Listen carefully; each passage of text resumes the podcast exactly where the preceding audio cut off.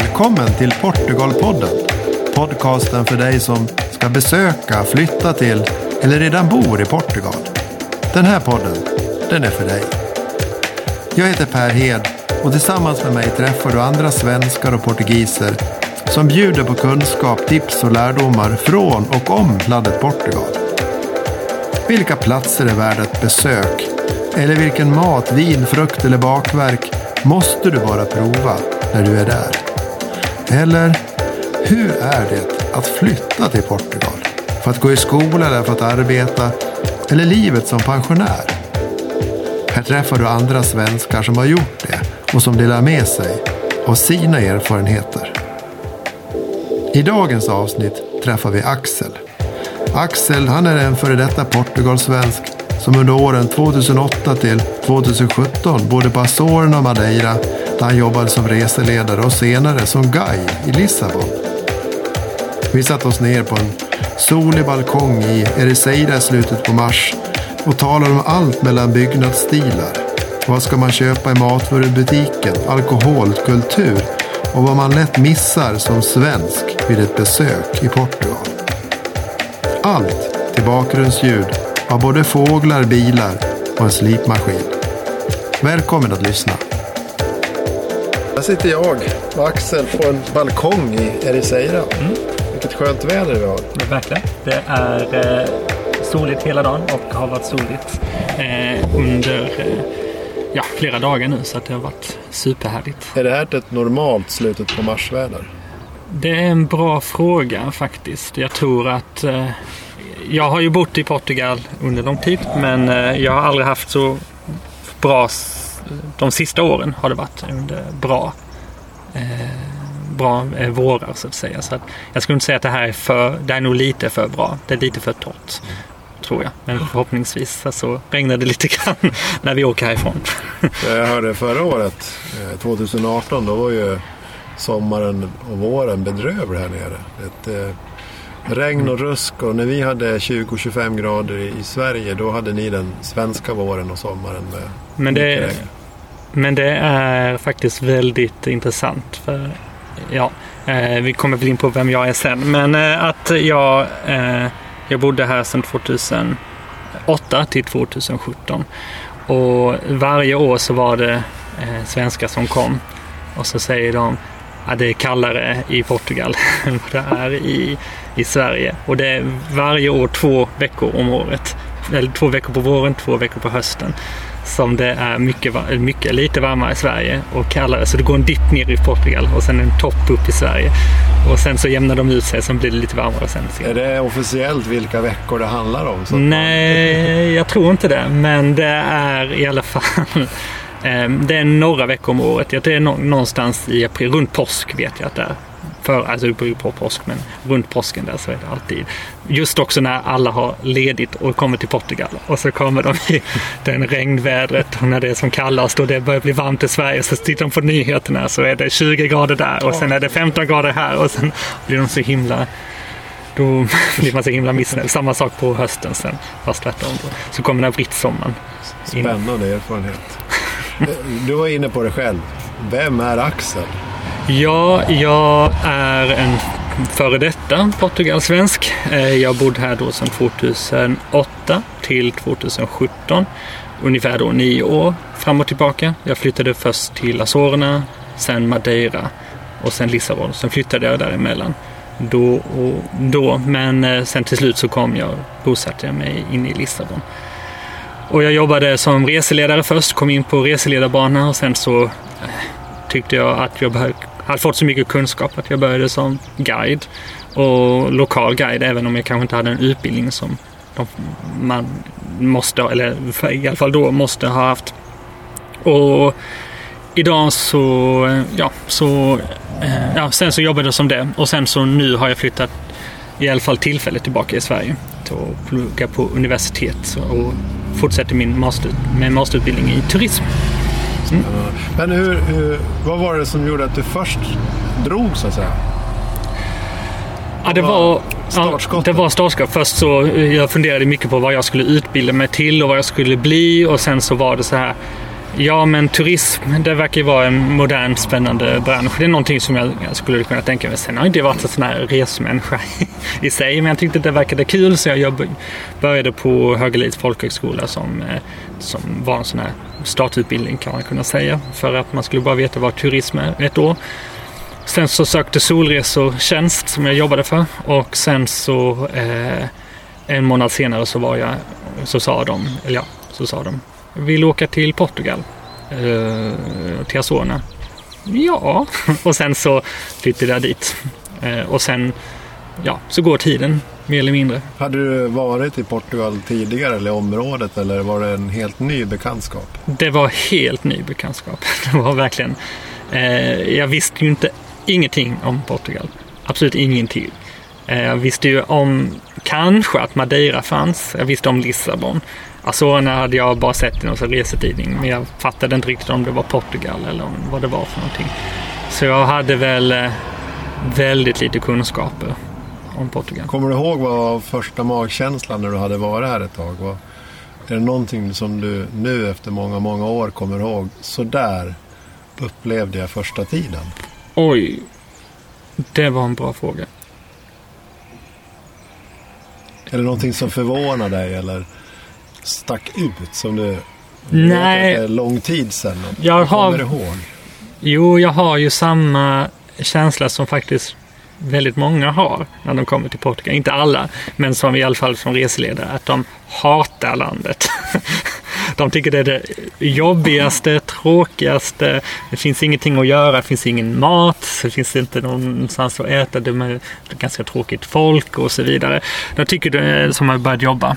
Och sen så Alltså det är ett vanligt fenomen att man känner ett hat mot Ja, men man tycker det är så här. Nej, det var inte det var, inte, det var inte så man tänkte sig att Portugal skulle vara. Alltså den här, jag vet inte riktigt ens vad det skulle vara från början, men det är så.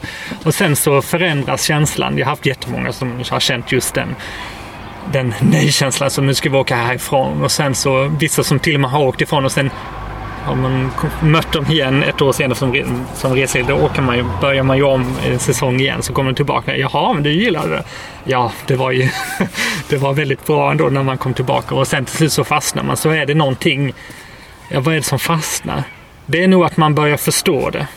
Förstå Portugal. För det är ju inte den här jag hade aldrig heller varit i Spanien så jag ska inte säga någonting sånt. Men det är ju inte den som man tänker. Jag tror att man har Spanien som Italien som föregångsbild och sen så tänker man att det skulle vara samma. Men sen maten är ju lite annorlunda. Mina föräldrar och mina bröder, de tycker ju verkligen inte om portugisiska maten. Och det gjorde inte jag heller i början, men jag älskar ju portugisiska maten nu. Nu är det någonting som man, ah, jag skulle vilja äta den här eh, asorda. Det är en fiskstuvning på bröd. Som låter jättekonstigt och det ser inte jättegott ut. Men det är jätte, jättegott tycker jag nu. Och det är någonting som man vänjer sig med över tiden och jag tror man måste vänja tanken bara. Att Portugal inte är den bild som man kanske hade, eller som jag i alla fall hade. Och de andra som jag mött. Är inte det ett, eh, hur ska man kalla det, en styrka i landet att man ja, behåller sin kultur där? Att, att man framhäver sin mat. Att det inte, hur ska man säga, jämför med Sverige. McDonalds-kulturen är inte lika utspridd här kanske som i Sverige. Det är sant. Det tror jag också är sant. Att även ja, ungdomar eller medelålders äldre, man vill ha någonting snabbt. Man kanske inte går till McDonalds utan man, man vet vilka lokala egna rätter som är enkla och snabba att tillaga så att man väljer dem istället. Jo, men det är ju också det, det, är ju säkert sant och det vet du varför det är så. Nej.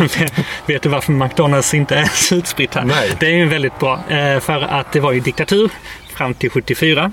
Eh, och sen så var det ju stilke ända fram till 90-talet. Och det var inte förrän 95 som eh, McDonalds kom till Cascais första gången.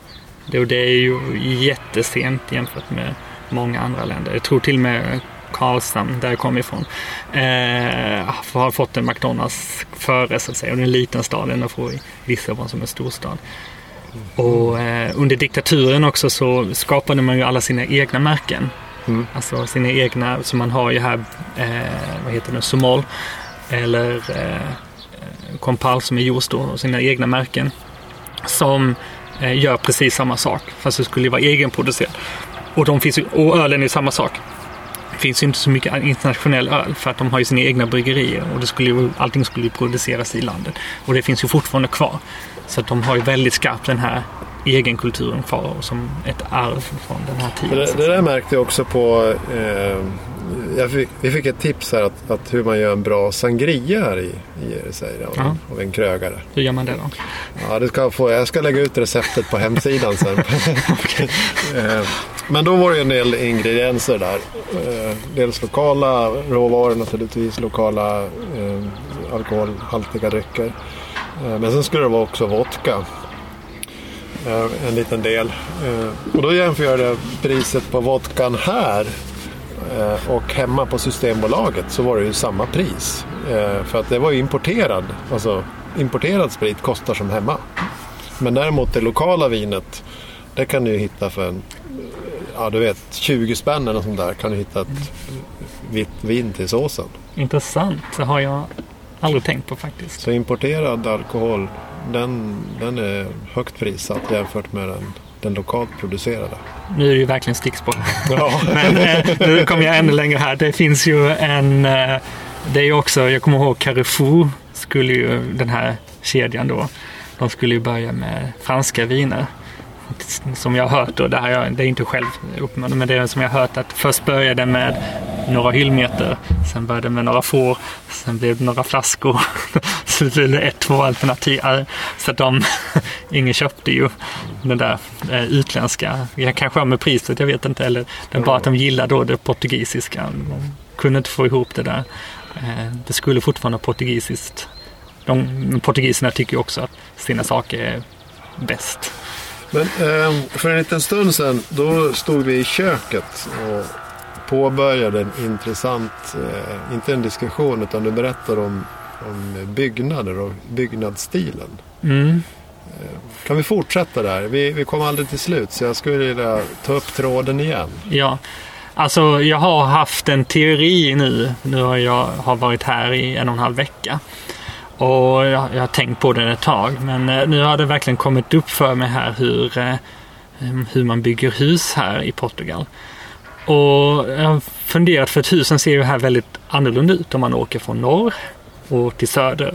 Och man kan säga avdelaren av hela landet och det är ju eh, floden Tesho eh, som eh, ligger, som flyttar ut till Lissabon och som går nästan från Madrid till Lissabon, så går vi rakt genom landet. Och andra sidan floden, alltså på, härifrån, från norr, alltså södra delen av landet, den heter Alentejo, alltså den Alain, som betyder 'bottom', Tejo. Och det var ett arabiskt, läng längre tid arabiskt influerat. För, ja, som vi sa då, kort sagt så var det först kristet, romerskt, sen kristet, sen arabiskt, sen kristet igen. Och eh, de har ju fått med sig en massa influenser. Och ju längre upp norr man kommer, då har, heter ju eh, byen någonting som man kan förstå i portugisiska. De heter ju eh, då Rio, Eh, floden, Ribeira, flodsrännan, eh, Pedra, stenen, eh, eller som staden här i, i Portugal, Porto, som är hamnen. Så att de heter ju exakt vad de ska vara, så man förstår. Men sen när man kommer, ju längre söderut man kommer, ju mer blir namnen mer oförståeliga och man förstår inte vad de menar och eh, då nu pratar vi för portugisen. För portugisen också mm. så att säga. Eller namn som man absolut inte använder. Bara sådana kända exempel då som ord som börjar på AL i portugisiska som man använder fortfarande idag. Eh, de är arabiska namn från början som in, inlånade ord till portugisiska.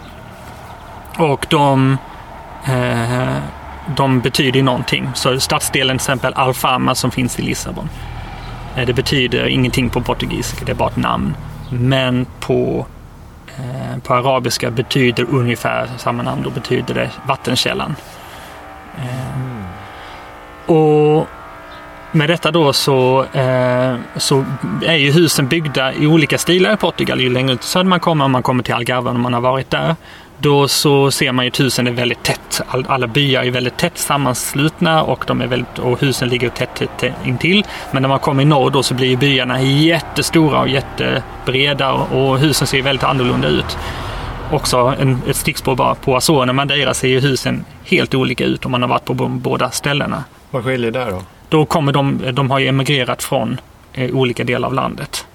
Så att de ser, har, från Azorerna har ju mest då, i alla fall på San Miguel, största ön, då har ju mest från Alentejo flyttat. Och till Madeira har ju mest från norr flyttat då till Madeira. Och då ser husen väldigt annorlunda så man kan jämföra till exempel om man har varit på båda de platserna så kan man jämföra. Och Då har jag funderat på om man husen ser annorlunda ut idag och om man fortsätter att bygga upp husen fortfarande i samma stil så som den gamla stilen. Det behöver inte vara medvetet, det kan vara omedvetet, men jag kan tänka mig att det är så. Och man kan se, till exempel nu är vi i Ericeira. Och om man, är i, om man kör mellan Cascais och Ericeira, då heter byarna lite olika. Så att antagligen så har det varit så som hela Europa har varit en gång i tiden. att en by så bor det ett folk och nästa by så bor det ett annat folk som pratar ett annat språk. Och, en by. och sen har det tunnats ut och bytts ut så att säga. Men så heter ju byarna någonting som man förstår för på portugisiska ena stunden och då är det en stil en hus. Och sen kommer man till nästa by med något arabiskt ingen namn som är ett väldigt svårförståeligt ord. Och sen så eh, har de en annan stil av hus. Alltså den andra stilen då ska det vara väldigt vita, eh, tight, tight, tight eh, satta hus så att säga. Och byarna är väldigt eh, ihop, eh, vad säger man, ja, sitter ihop så att säga. Medan byarna, de här eh, eh, portugisisk klingande namnens byar har mer hus som är väldigt spridda. Där det är hus, mellanrum, hus, mellanrum. Så det här är alltså inom Eh, I samma region så ser man alltså då skillnader mm. mellan respektive by. Eh, I ett svenskt perspektiv då tänker jag mig i, i Skåne, där har man Skånelängan. Mm. Men i Dalarna där jag kommer ifrån, där är det traditionella timmerhuset med falröd färg och vita knutar. Så kan det ju vara faktiskt. Men tänker dig att bara allting är närmare och det är varannan by så att säga. Ja, exakt, exakt. Det är så skulle man kunna tänka sig. Men så kan man ju, eh, jag funderar om man medvetet bygger upp det i de här stilarna eh, Eh, när man bygger. Så till exempel då vid Ikea inne i Lissabon, det som området som heter Al-Flashid. Det är ju ett väldigt arabiskt klingande namn. Och sen finns det en by där, eller en stadsdel då som heter Zumbajal som jag har letat upp att det betyder eh, olivodling. Men det betyder inte längre på portugisiska för det heter ju Oliveira. Eh, och det är ett arabiskt klingande namn som betyder samma sak. Men där så, när det heter Zumbachal, där är ju husen tätt, tätt, tätt, tätt sammanslutna och vitkalkade och byggt så här i trappformade som man kan, som vi i alla fall kan se här utanför, mm. bortanför. Och då, då har det ett abrovisklingenamn, men den har den här stilen ändå. Och sen när man kommer någon annanstans så har den en annan stil. Så jag kan tänka mig att det är så. Så det är ganska intressant. Just när man kör de här sträckorna så kan man se att det har olika stilar. Varje by har, inte varannan, men varje by har sin stil. Det är inga avstånd vi pratar om Nej. heller. Jag menar Cascais upp hit till Ericeira, det handlar om, är det 10 mil knappt? Något sånt ja. ja. Och däremellan, det kan ju vara bara några kilometer mellan varje by. Så att vi kan säga, det är ju oftast ganska backigt här så att på ena backen så har det bott ett. Och det här pratar vi om, det här är ju på 1000-talet nu som vi pratar om, som det här var eh, blandat så att säga. Då tänker jag, har klimatet någonting med att, hur man bygger? Eller? Nej, det är konstigt det, för det, det borde ju varit så. Om det vore så, så borde det ju varit på olika platser. Men det här är ju bara eh, alltså i samma område, kan man ju säga. Och man kan ju se på vissa områden, bara in i Lissabon har jag, har jag tänkt på, eller utanför Cascais då.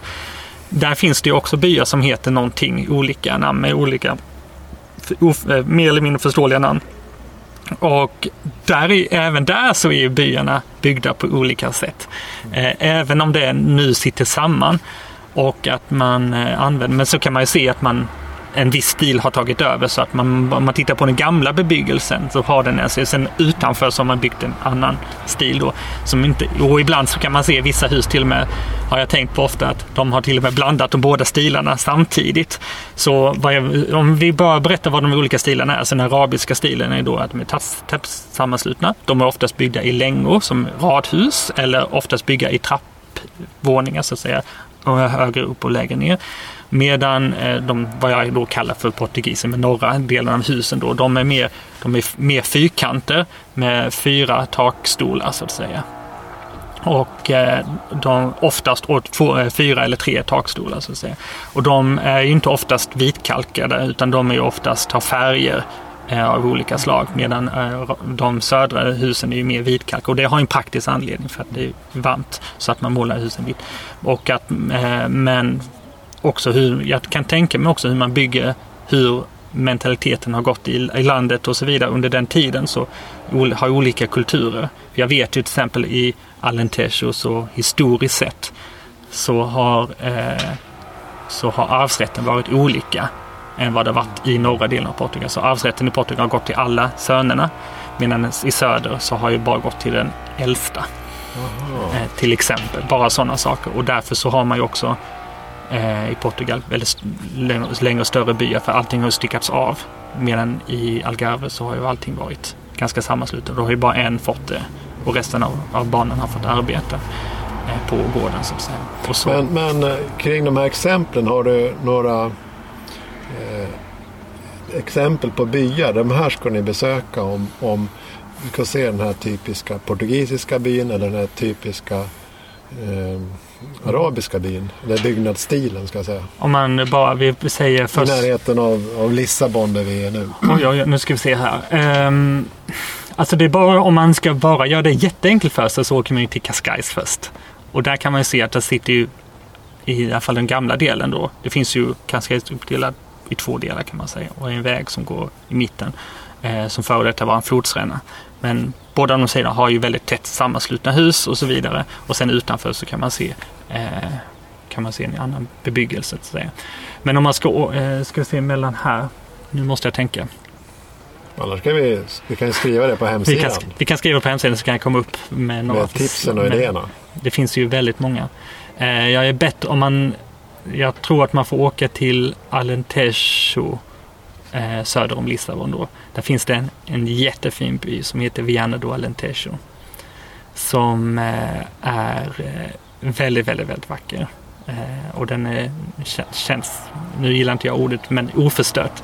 Mm. Eh, och har väldigt, väldigt vacker.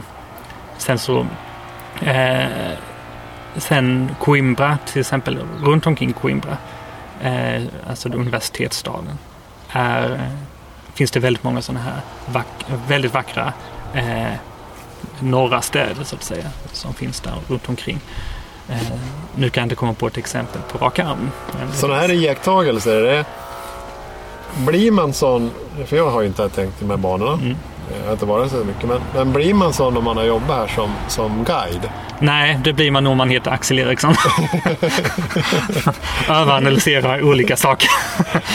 Nej, eh, många blir väl eh, trötta på mig när jag, när jag håller på. Jag tänkte att det var någon sådär drivkraft som man hade. Att man börjar jobba som guide, man lär sig massa saker om vissa delar, områden, kulturer. Och sen så växer det där vidare. Liksom. Men så är det nog. Eh, men framförallt där jag har jobbat med mycket kollegor, där har det varit på Azorn och Madeira. Och då har det varit mest, mest om blommor. Och det är också så, har jag ju haft samma, jaha, kan den vara en liknande den blomman? Och sen när man kommer här till fastlandet då, jaha, den är släkt med den blomman där. Och sen så kan jag sitta med någon kollega, har du tänkt på att det är en blomma? Nej, har du tänkt på det? Och så vidare. Så ja, man kanske har tänkt. Ehm, jag har ju samma sak med citrusfrukter ska vi inte gå in på nu. Men ja, spännande, nu måste du fortsätta Axel. Ja, okay. eh, citrusfrukter, någon som sa till mig någon gång att ja, men de naturliga citrusfrukterna, är, de naturliga apelsinerna är gröna. Och då funderade jag på, så här, är det verkligen sant? Jag, min, eh, så tittade jag vidare då på detta och så märkte jag att det finns ju inga citrusfrukter som, som är naturliga. Alla citrusfrukter som vi äter är gjorda av, alltså framavlade av människan.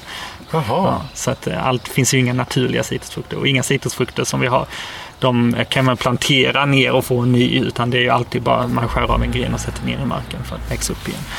Spännande. Spännande. Ja, det är, jämfört med förhållanden i Sverige så är ju just frukt och grönt, mm. alltså det är så otroligt billigt. Ja, verkligen. Det, det är ju, ja, odlas allt här eller importerar man mycket? Vet du det? Ja, man importerar ju en del, men eh, sen är man ju varje gång då man skriver så skriver man ju ehm, eh, Laranche som heter Laranche de Alentejo. Eh, nej, Delange de Algarve. Algarve är ju södra landskapet. Och där gör man ju de, sägs det då, de sötaste och godaste apelsinerna som, eh, som man har i Portugal. Ofta så skriver man ju det. Jag tror inte allt eh, man gör allt här. Eh, den är ju det att det är apelsinen är en vinterfrukt. Så att den kom ju på slutet på vintern. Och när den är, är mogen då börjar våren. Det vet man ganska säkert. Och eh, just nu så är det ju härligt. Det är verkligen sånt tips man ska, när man stannar med bilen. Så när man åker ut på landsvägarna, åk inte motorvägarna, åk landsvägen. Och sen finns det ju de som säljer frukt och grönt på, eh, på gatorna. Ibland så kan man ha en på lördag, söndag, kanske någon helgdag också. Så är det någon marknad någonstans. Mitt på, mitt på st stora landsvägen så att säga. Eller finns det bara en skylt som jag är förbi här nu så var det var det ett kilo för 45 cent. Alltså otroligt ja, billigt. Är det? 5-6 kronor Ja, precis. Mm. Och det är ju helt fantastiskt. Mm. det är ju inga pengar alls. Och det är väl säkert hemodlat. Jag vet inte heller vad bra kvalitet men det är ju kul. Och i Al äh, Algarve så det ändå, finns det ju överallt kan man köpa bara kilovis med apelsiner. För, för oss i alla fall, inga pengar alls. Och det är ju sånt som jag älskar här. Ja, verkligen. Det, det är jättestor skillnad mot hur prisnivån och även utbudet är hemma i den lokala ICA-affären eller mm. Coop-affären eller mm. var man nu går och handlar någonstans. Ska jag ta den, min irritation på det där? Nej, det måste du ha. Nej, jag bor ju i Sverige nu. Jag bor i Malmö och eh, det är verkligen sådär. Jag har ju bott nio år i Portugal. Då har man ju lärt sig den kulturen som finns här och handla på detta sättet som finns här.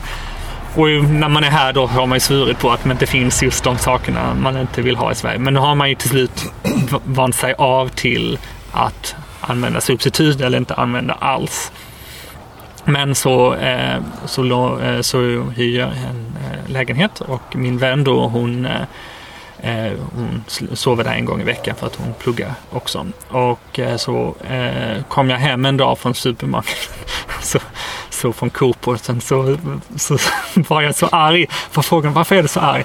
Nej men jag får ju inte välja vilken fisk jag vill. Jag får, tänk att jag ska få gå till fiskaffären och sen så ska jag, eh, tänk att i Portugal så får jag gå till fiskdisken och sen så kan jag välja vilken fisk jag vill. Den är en hel och sen så skär de ut den jag vill ha och de gör den precis som jag vill ha den.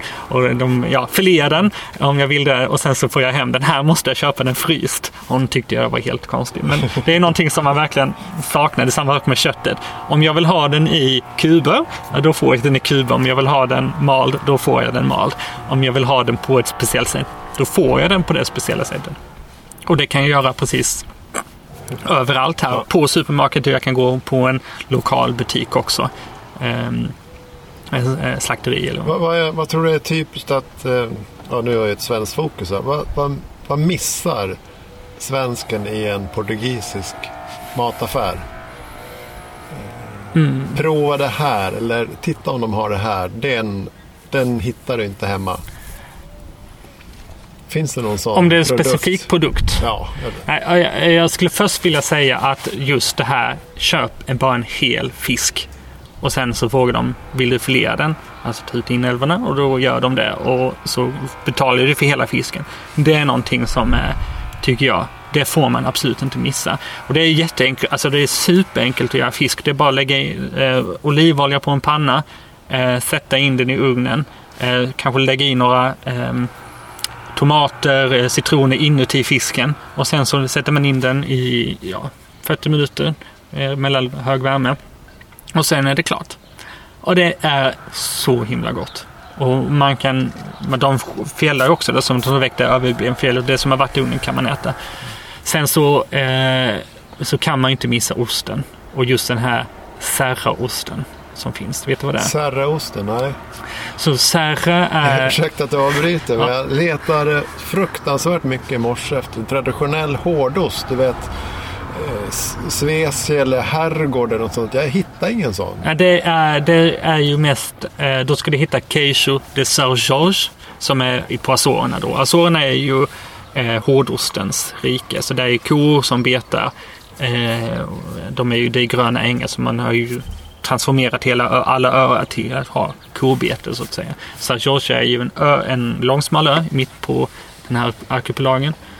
Och där så gör de ju då ost och då har de ju George, Sir George, alltså Sankt George-ost kallar man det.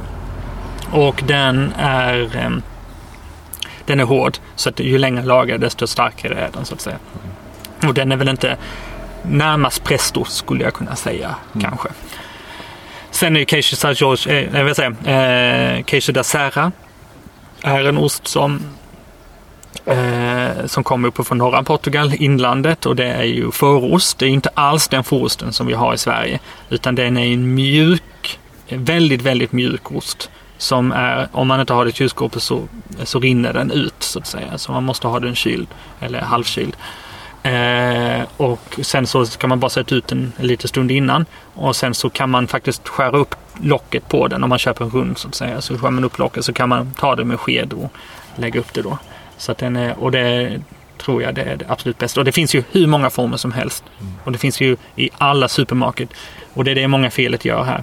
Att de går ju till en speciell ostbutik eller speciell vinbutik. Och det ska man inte göra. Det kostar mera. Men det är inte så att de har mycket bättre utbud. Utan för alla köper ju vin och alla köper ost. Alltid. Så det finns ju på varje supermarket. Överallt.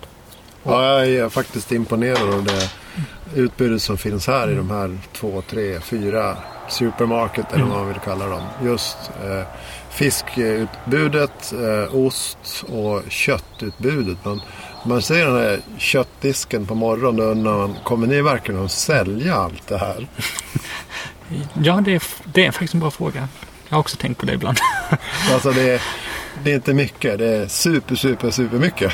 Ja, verkligen. Allt ifrån grisfötter till ja, ja, konstiga innervsdelar som man inte ser hemma. Ja, till och med traditionella fläskkotletter eller en oxfilé eller vad det kan vara. Liksom. Ja, precis. Och nej, men just eh, vilken ost som helst. Och jag tror att man kan eh, eh laborera ganska mycket. Sen är man, ju närmare Lissabon och Porto man är, desto större utbud har man eftersom att oftast är de här platserna där folk har kommit från hela landet.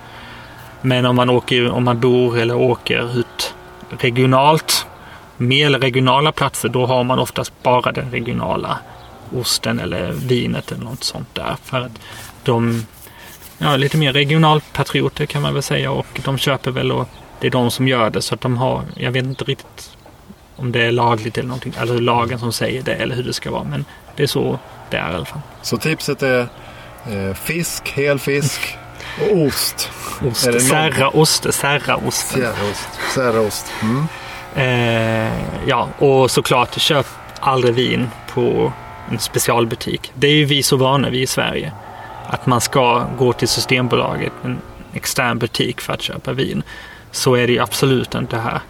Och där har vi ju framförallt i vin, nu ska vi inte gå in för mycket på det, för mycket annat, men grönt vin. Det är ju den som börjar bli känt, ganska känt i Sverige också. Mm. Eh, som är uppe från norra Portugal. Och det är lätt mousserande.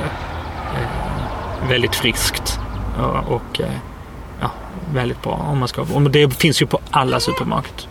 Jag kommer få en fråga där. Fick, eh, min son frågade mig igår om, om portugiser dricker mycket, dricker mycket vin. Mm. Om de har det som eh, ja, måltidsdryck, alltså till lunchen, en normal familj, eller, ja, då tar man ett glas vin eller till middagen. Eller, hemma dricker vi kanske vatten eller mjölk. Det är inte, alltså på en onsdag eller torsdag så dricker vi sällan vin till lunchen eller vin till middagen utan man sparar det till helgen. Men hur, hur är portugisen? Ja, men de gör det så, så som du säger. Och det, man kan ju se folk som dricker eh, på lunchen ett glas vin. Och det är inte mer med det. Sen eh, är det ju, eh, sen några år tillbaka nu så får ju till exempel busschaufförer och taxichaufförer inte dricka längre. Det fick de ju faktiskt förut. Och de fick till och med ha, innan lagen ändrades, fick de till och med ha mer än en normal, normalperson. När ändrades det här? Alltså det... Det var inte så jättemånga år sedan, det var väl fem, sju år sedan något sånt. Oj. Men då ändrade de till en jättestrikt lag istället. Mm. Så att nu har de ju noll. Alla busschaufförer och alla taxichaufförer får ha noll. Men de fick, för de var yrkeschaufförer, de skulle kunna det. Kunna ta ett glas till lunchen och ja, fortsätta köra sen. Så att, ja. Um, men eh, jo, men det är mer än måltidsdryck. Men det är inte heller att man eh, det är inte heller att man dricker så mycket mera här. Det kan jag ju tycka framför allt att man när man dricker i Sverige så dricker man ju mycket mera och på ett annat sätt än man kanske gör här. Ja, du har ju både och liksom. Du har ju vänner och familj etc. hemma i Sverige och du har eh, vänner och kompisar här nere. Ja, ja precis. Och eh, så det är, på ett, det är på ett annat sätt, verkligen. Och sen är det ju också så att jag har ju många brasilianska vänner och de har ju även sitt sätt att dricka och så vidare. Så att det, är ju, det finns ju jättemånga brasilianer som bor i Portugal och de har ju de vill ju själv säga att de är väldigt olika portugiser och portugiser säger att de är väldigt olika brasilianare. Men shh, de är väldigt lika. De är det? På många sätt. Eh, på vissa. Men vad skiljer här då? Säg att du träffar dina svenska vänner mm. hemma någonstans i Karlshamn eller Stockholm mm. eller var ni än mm. är.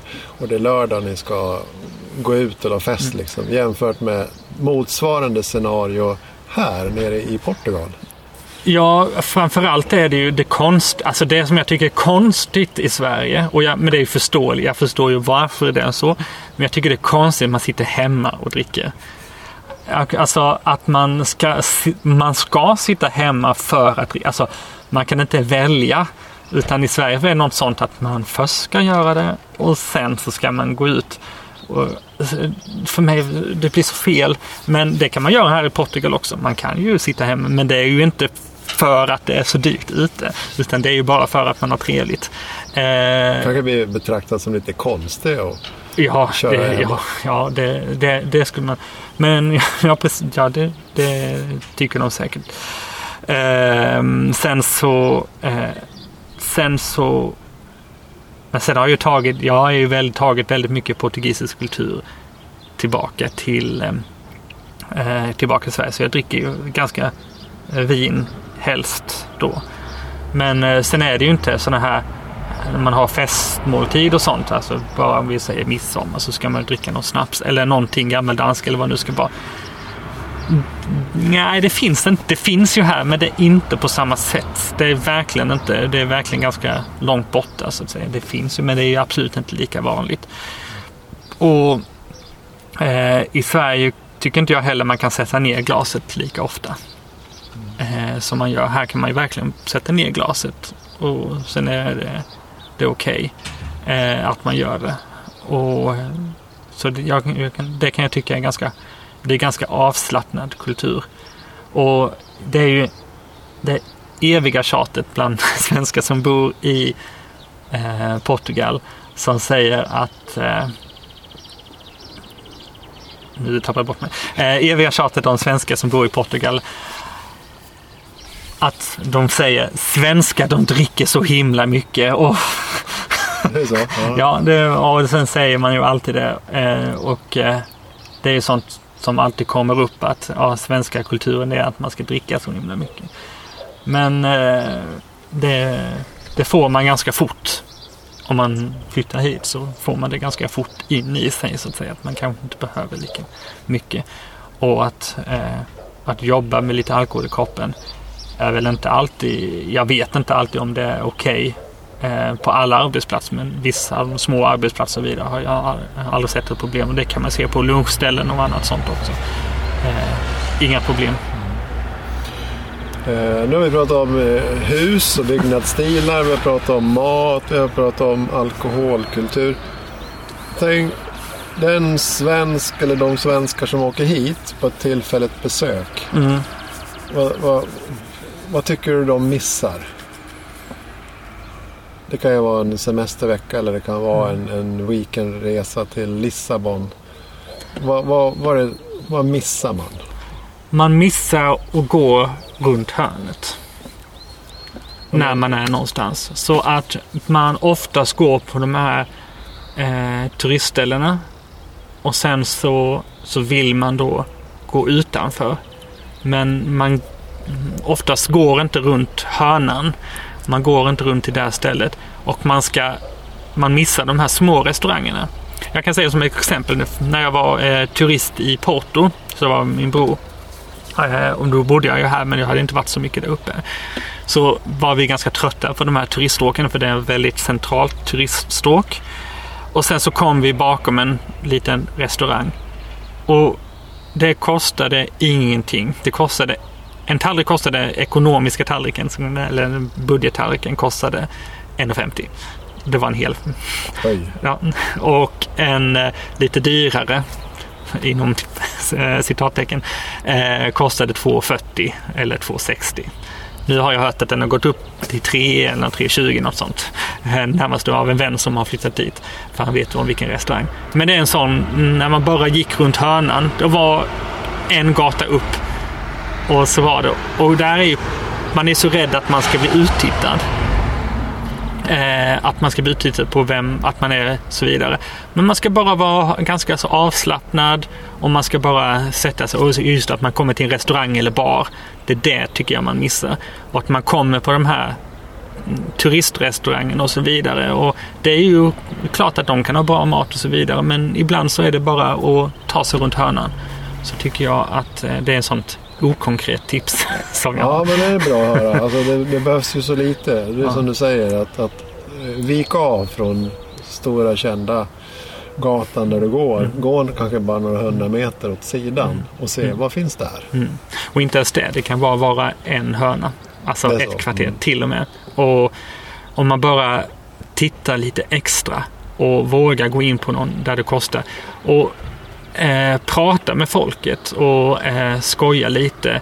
Och ofta sådana här traditionella restauranger eller barer så är ju ofta servitören det tycker jag är väldigt skönt, men de är inte sådär överdrivet glada. Och då vet man att man har kommit till en jättebra plats. För då är servitören så här, släng kaffet mot en. Eh, så, så någon gång som man kommit på en sån här stor restaurang så är man sex stycken så får man en meny. så ska alla titta på den då. Så, är det, ja, så har de en skrivarlista med skrivstil. Så ju sämre service desto bättre restaurang? Nästan, det är inte alltid, men nästan.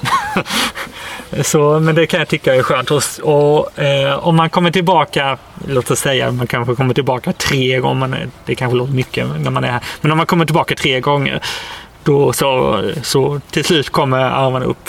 Jaha, ja varsågod.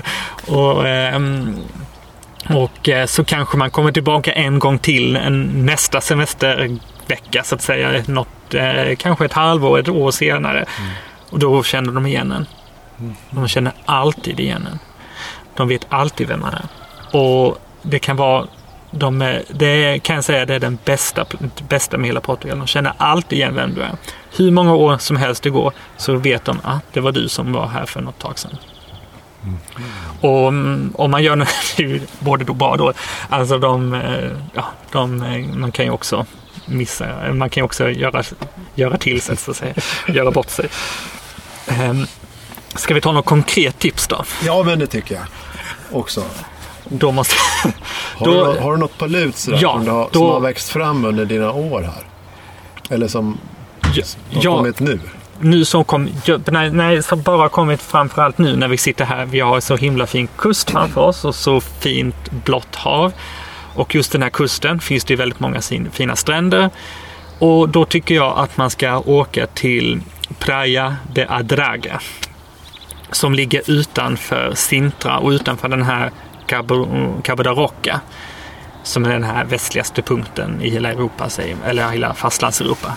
Mm. Eh, och ligger nedanför där. där finns, det kan man köra bil till och den ligger mellan havsklippor. Ungefär hur långt ifrån Lissabon är det här? Då är det, om man tar motorvägen, eh, så är det en timme och en kvart säger vi då skulle jag... Då är först är det motorväg till den här eh, staden Sintra som många känner till med fina palats. Sen kommer man ut in att, får man köra förbi Sintra ner för bergen så kommer man till slut till kusten. Och då så kommer man på Playa Adraga. Och den ligger i en by som har ett väldigt långt namn. Den heter Almosachem. Och eh, också en väldigt fin, vacker by. Nu talar om så här arabisk klingande namn så mm. knyter vi ihop säcken där. Sen så de Roca som också många missar. Det är den stranden som finns nedanför de Roca. Men kan man bara gå till fot så då måste man vara lite fit i alla fall. Och den heter Praia de Ursa. Är det det här som är i närheten av Europas västligaste punkt? Precis. Och då kan man gå ner, det är en zigzaggång. Och det är fantastiskt fint. Men man får vara akta sig för att det kan, klimatet kan skilja sig bara några kilometer in och kilometer vid, ända till stranden. Så en gång kom jag till den här Playa de Adraga. Då hade vi kört och det var till och med kö ut till, på motorvägen och det, var, det, tog, ja, det tog två timmar att köra dit. Det var väldigt susen när man kommer dit. Så ser man bara precis vid eh, strandkanten så ligger det ett tjockt moln. och det är jättesoligt och sen så man kör ner så, så ser man det här molnet bara komma, eh, den här väggen av moln komma mot den. Och sen precis när man ska parkera bilen så är det sol och sen bara några meter senare då är det ett stort, eh, alltså så, så, ser man att det är kallt och folk börjar gå mot bilarna. Och det är sen när man kommer in och sätter foten mot stranden, fötterna mot stranden, då är det som att isbitar börjar regna ner på Och sen så när man går, så, så säger man nej, så här kan vi inte vara, då får vi åka till eh, Storil istället. Och så bara när man går några meter så tittar man upp så är det 40 grader igen. Så där var det 20 grader några meter innan, efter vid stranden och några meter innan så var det 40 grader. Och det var verkligen så här vad, vad hände? Så att man, eh, man kan så ha sån otur. Sen när man kom till Estoril då var det ju jättefint väder. Så att eh, de har ju olika klimat och så vidare. För ja, blir... Vi var med om något liknande förra vintern. Det här och, och, i Sintra där var det regn och grådaskigt och ruskigt och vi såg ingenting. Och så åkte vi ut till kusten men där sken solen. Mm.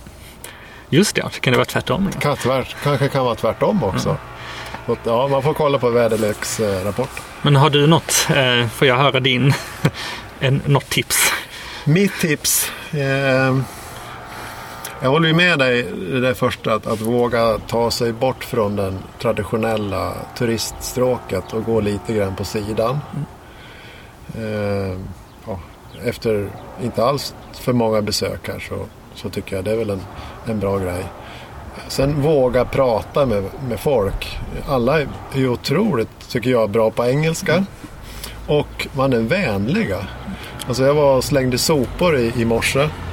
Och till och med han som, som jobbar i den här, ja, tar hand om alla containrar med glas och plåt och plast och allt sånt där. Han kom upp och pratade, en ung kille. Och när jag var klar där, då tog han i hand. Jag blev mm. jätteförvånad. Och han hjälpte till att lasta av bilen. Mm. Det är kanske något vi ska ta med oss till Sverige, tycker jag. Att ta i hand på något sätt. För... Är det, ja, det, är, det var en reflektion jag gjorde då. För jag tänkte bakåt efter de här dagarna som vi var här. Man tar ofta i hand. Alltså. Mm. Alltså, även fast man aldrig har träffats. Eller ja, vi kommer aldrig kanske att träffas igen. Mm. Så tar man ändå i hand. Och det, det är... Eh, alltså det, från början tänkte jag, när jag först tänkte jag att det var ganska opersonligt. Men idag så tycker jag det är väldigt, person väldigt trevligt. Jag har mött sällskap sedan när man kommer till Sverige. Och man står och sen vinkar man hej hej säger man. Och så tittar alla på en hej hej hela samtidigt. och även om man inte kommer på ihåg namnen och så vidare så något kontaktbyte, är det inte så? Ja, jag blev själv förvånad för att eh, jag har aldrig tagit i hand med en renhållningsperson hemma i Sverige. Men här kändes det ganska naturligt och det var han som sträckte ut handen. Ja. Men det har jag gjort i Sverige ibland. Jag tycker det är väldigt konstigt när, när någon när sträcker ut handen och den andra personen inte fattar vad, och sen sakta tar upp handen sådär. Väldigt, känner sig väldigt obekväm. Och det var något annat tillfälle i, i, också igår där, där vederbörande tog i hand och jag blev så här, ja, lite smått chockad över att att eh, den gjorde det. Nu kommer jag inte ihåg om, om det var på en restaurang eller om det var en affär eller var det var någonstans. Men, men det var något tillfälle Mm. där de tog i hand. Liksom. Men det är en väldigt trevlig företeelse tycker jag ändå. Ehm, att man gör. Och eh, eh, det, gör, det gör någonting eh, att man lär känna personen tycker jag. På ett annat sätt. Att man i alla fall, även om man inte kommer ihåg namnet på den man hälsar. Om man hälsar på tio personer ändå. Så ändå så har man någonstans tittat i ögonen eller tittat på varandra någonstans i alla fall. Och eh, eh, kommer fått något kontaktutbyte som jag saknar faktiskt när jag kom hem till Sverige. Annars tips. Eh, bryta, gå bort från det traditionella stråket. Eh, våga prata. Eh, och vi är ändå inne på mat så är det liksom det är nog då att, att prova det där, hur kan jag kalla det, hålet i väggen. Just det. Och våga. Och våga. Eh, Jag har ju en vän som eh, en gång också vågade. Eh, och var här, jag träffade faktiskt eh, när jag bodde här då. Och så tog han en så kallad francesinha. Har du ätit det? Jo, i Porto vet jag det. Vill du förklara vad det är? Eh, För jag kan det, inte. Alltså det är ju eh, det är vitt skivat bröd. Och me, mellan de här två, tre, fyra skivorna av vitt bröd, alltså inga fibrer här utan det är vitt formfranska Ja. på svenska. Ja, det är. Så ligger det tjocka skivor med ost och skinka. Och så har man, misstänker jag, lagt på ett gigantiskt ostlager på hela den här anrättningen. Och så har man en, en sås gjord av eh, tomater, tomatketchup och öl eller något där liknande. Och sen är det lite piri piri. Piri piri är ju en typ av chilikrydda. Ja. Ja. ja, precis. Är det inte någon... Nu kan inte jag komma ihåg, det var så länge sedan jag åt den. Men är det inte korv? Också någon typ Jo, av presskorv? Just det, lite starka korvar i det här. Ja. Ost, skinka, starka korvar. Och eh, hur ska man säga? Om, om man blir tjock eller tung och däst av tjockpannkaka hemma i Sverige så är det här gånger tio. Ja, den är en väldigt konstig, eh, konstig sak att äta. Visst är det? Det är en upplevelse i alla fall. Ja, Den ska man ju äta i Porto sägs det ju då. Att det är en Portorätt. Men eh, han testade min vän där åt igår bara. Min vän han var ju sådär, ja jag tar den här. Så pekade han på den så åt han ju den. Han bara, vad i, vad är det jag har beställt för någonting? Och- orkar han äta upp. Eh, otroligt Jag var inte med då, men han sa att, eh, för att jag tror att han visste att det var någonting under bröd, för han är belgare. Och eh, han gillar ju bröd, sån där coq monsieur som de har där. Och jag, faktiskt, roligt nog, så är det en portugis som ville göra en portugisisk form av en coq monsieur. Eh, så, ehm, ja, det är det ju verkligen. Jaha, så det är bakgrunden. det är bakgrunden faktiskt. Spännande. eh, av, av den. Så att han ville ju en, en portugis, eller en portugis som bodde i Belgien som när han kom tillbaka ville han göra en monsieur fast från Portugal. Fast den är ju verkligen eh, plus, plus, plus. Det är inte alls den här lite enklare monsieur som man har i, Frankrike, Belgien. Där. Ja, vi får lägga ut receptet så att lyssnarna kan smaka Ja. redan hemma innan. Det blir snart en receptbok här. Är det något ämne vi har glömt Axel? Eller just så här? Det finns känner- så många ämnen man ska ta upp. Finns inte det? Jo. Men eh, att eh, jag tycker ju att eh, om man är turist här och eh, man så ska man inte eh, man kan ta några dagar in i Lissabon. Men jag tycker att idag framför allt att man ska ta sig ut. Man ska ta sig till en, eh, en plats som är långt utanför eh, lite längre ut från Lissabon och kanske längre ut än Cascais. Och man kan göra det på många olika sätt. Och oftast är ju Lissabon då den stora flygplatsen. Men- Och det är de flesta kan komma till.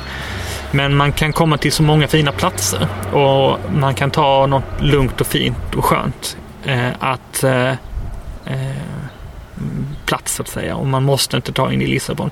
Det är inte bara det att Lissabon är en väldigt, väldigt fin stad som man kan kanske vara nära och besöka en, två dagar eller någonting sånt. Men ta gärna som nu vi är i Sera, fantastisk plats. Eh, och har verkligen eh, allt man kan tänka sig och fint landskap nära till de här fina vinodlingarna. Även nu på våren då när det inte har några gröna löv och så vidare så är det ju väldigt magiskt. Bara när jag kom hit så körde jag förbi de här stora vinodlingarna och eh, besökt vingårdar och annat sånt. Så att eh, man ska, om man kommer runt i Lissabontrakten så finns det så mycket, mycket mer utanför.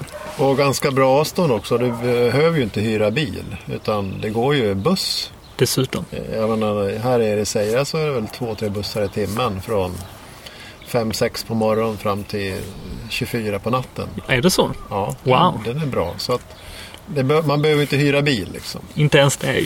Jag visste inte att det gick så ofta. Och till Cascais går det väl tåg om jag minns rätt? Nej. Inte? Eh, till, alltså från Lissabon? Ja. Ja, det går tåg, ja. ja precis. Eh, men eh, sen Cascais, Cascais är ju, är ju jättevackert och man får, det är ju nära och så vidare. Men eh, jag tror att man, eh, ja, om man, man vill ha någonting annat, för det finns så mycket annat faktiskt utanför. Och, allt, och det finns så bra landsbygd här skulle jag kunna säga. Att den är väldigt eh, jag kan väl säga välutvecklade kanske, men det finns en stark landsbygd. Där, det, där vi pratar, som vi pratade om, att man ska komma till supermarket och man ska komma till affärer. Då finns det ute på landet. Och man kan ha en fullfjädrad semester där ute också. Och då får man det lugnt och skönt. Man behöver inte åka till den här ja, mer kända orten utan Mm. man kan ta någon by. Och det finns så många byar också så att man kan ju vara själv svensk om man vill bara vara själv svensk så att säga. Eh, till exempel om man vill upptäcka det. Sen så är ju, eh, så tycker jag, älskar jag ju Lissabon så att man ska ju inte, men många kanske tycker idag att eh, Lissabon har för mycket turister och så vidare och kanske man kanske inte gillar det här eh, turiststråken och så vidare, men då finns det ju så mycket långt utanför. Och det är verkligen ett sånt allmänt tips Som, och leta upp lite, bara ta en extra koll bara. Eh, När, när, din eh, familj, Mm. eh, någon kom ner första gången till Lissabon. mm. Vart tog du dem då? Ja, då, då tog jag dem eh, faktiskt till centrum. För jag tycker att eh, man ska eh, man ska, ändå, även om det är turistigt och man tycker det är för mycket turister och sånt. Det är ju en vacker stad. Och det är ju någonting man måste på något sätt förstå. Man kan inte ta sig Lissabon och sen inte ta sig in i, i centrum, alltså Baixe, i Chiado och Alfama. Man kan inte ta sig utanför. Men sen finns det ju sådana här fina parker utanför. Om vi ska ta Lissabon som exempel. Så finns det ju ett palats som heter Necessidades. Och denna då är eh, ett palats som ligger utan, lite utanför Lissabon som har en jättefin park. Och det är sådana där portugiser sitter och eh, har häng, hänger på eftermiddagar eller på helger eller någonting sånt. Och det är bara sådana saker som är helt utanför, vackert och man möter också portugiser dessutom. Men jag tycker ju ändå så att man Och hur tar man sig dit? Är det buss? Eller då tar man sig med... kan man gå? Man kan gå. Det ligger i den eh, som heter Alcantara. Då är det från eh, stationen inne i Lissabon då. Det är Cascaislinjen. Så tar man sig tre stationer ut så heter det Alcantara. Så får man gå. Eller tar man bussen eller så tar man spårvagnen. Spårvagn 15. Buss 14. Vilket minne du har. Är från... Av alla min bussåkningar och så vidare. Nej, bussar, eh, ja, bussarna kan jag nog. Men, det, men jag har åkt, jag hade inte bil väldigt länge. Under bara sista året jag bodde här så hade jag bil. Eh, så att man fick åka buss och tåg och så vidare. Men sen kan man åka taxi. In i Lissabon är det ju superenkelt. Det kostar ju fem euro om man ska åka eh, ja, några kilometer. Eh, och 15 minuter så har du för fem euro något sånt så är det billigt. Så att man ska inte underskatta det. Så att säga. Vad härligt. Då har vi klarat av många ämnen här. Ja. Byggnadsstilar, mat, eh, alkoholkultur, hälsningar, parker. Stort tack Axel. Tack så jättemycket. Tack för att jag fick komma.